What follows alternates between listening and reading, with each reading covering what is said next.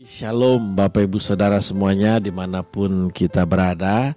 Kita bersyukur sebab sampai hari ini Allah Immanuel Tuhan kita Yesus Kristus menyertai kita Memberikan hari yang luar biasa Memberikan kepada kita anugerah sukacita yang berlimpah Berkat-berkat yang disediakan untuk kita nikmati setiap hari Dan untuk itulah kita hidup terus memuliakan namanya Bapak Ibu Hari ini kita akan baca Lukas pasal 15 ayat 1 sampai 7.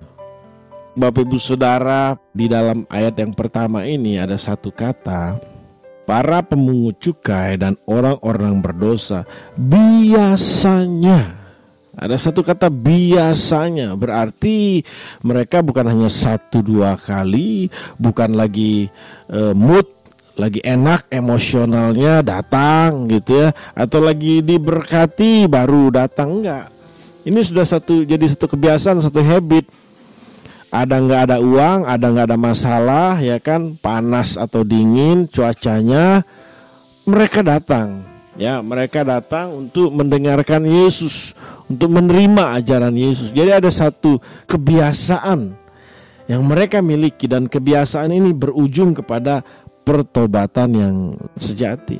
Kenapa kita jadi pesimis ketika melihat orang orang kayak gini? Nggak mungkin berubah, nggak mungkin dia benar-benar bertobat. Kenapa? Karena memang mata jasmani kita melihat nih, ini orang nggak punya kebiasaan baik.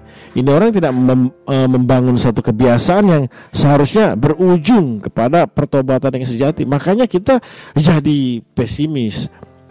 Tapi setidaknya dari sini kita belajar Bapak Ibu Saudara. Bisakah orang bertobat?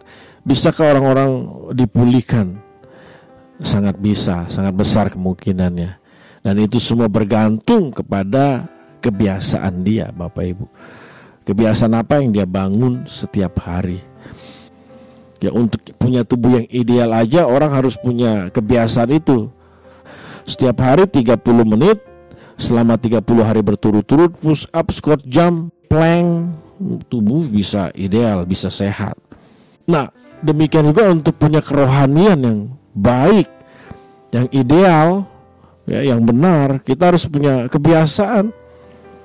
Ah, nggak bisa nih kita mengasihi sesama, apalagi orang yang kayak gini. Ya, coba 30 hari berturut-turut doakan dia atau minimal lihat di medsos mukanya tumpang tangan aku mengampuni orang ini ya kan bisa nggak kita jadi orang Kristen jujur tidak khawatir ya jadi orang Kristen yang benar? Bisa tergantung kebiasaan apa yang kita bangun setiap hari. Bagaimana bisa punya satu kebiasaan? Ya cobalah 30 hari berturut-turut lakukan selama 30 menit.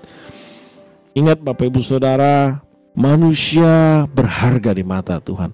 Untuk itulah Tuhan datang ke dunia ini. Sekalipun sudah rusak, tapi di mata Tuhan, Bapak Ibu Saudara, Dia tetap berharga. Manusia tetap berharga.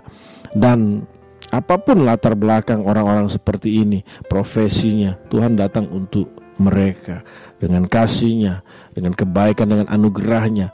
Tuhan datang untuk kita semua orang-orang berdosa ini, Bapak Ibu, untuk kita semua tapi ingat Bapak Ibu Saudara, eh, dari mana kita bisa tahu bahwa hidup kita ini menuju pertobatan yang sejati ya dari kebiasaan yang kita bangun setiap hari.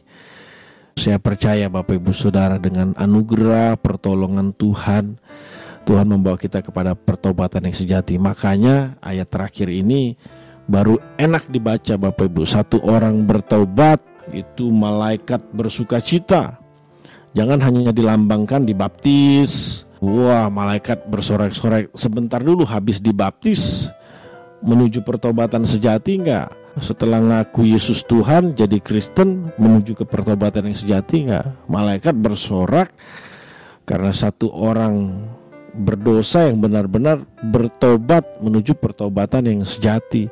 Mereka membangun satu kebiasaan dan inilah yang membuat surga gempar Bapak Ibu. Puji Tuhan demikian rema kebenaran firman Tuhan hari ini. Tuhan Yesus mengasihi kita semua. Shalom.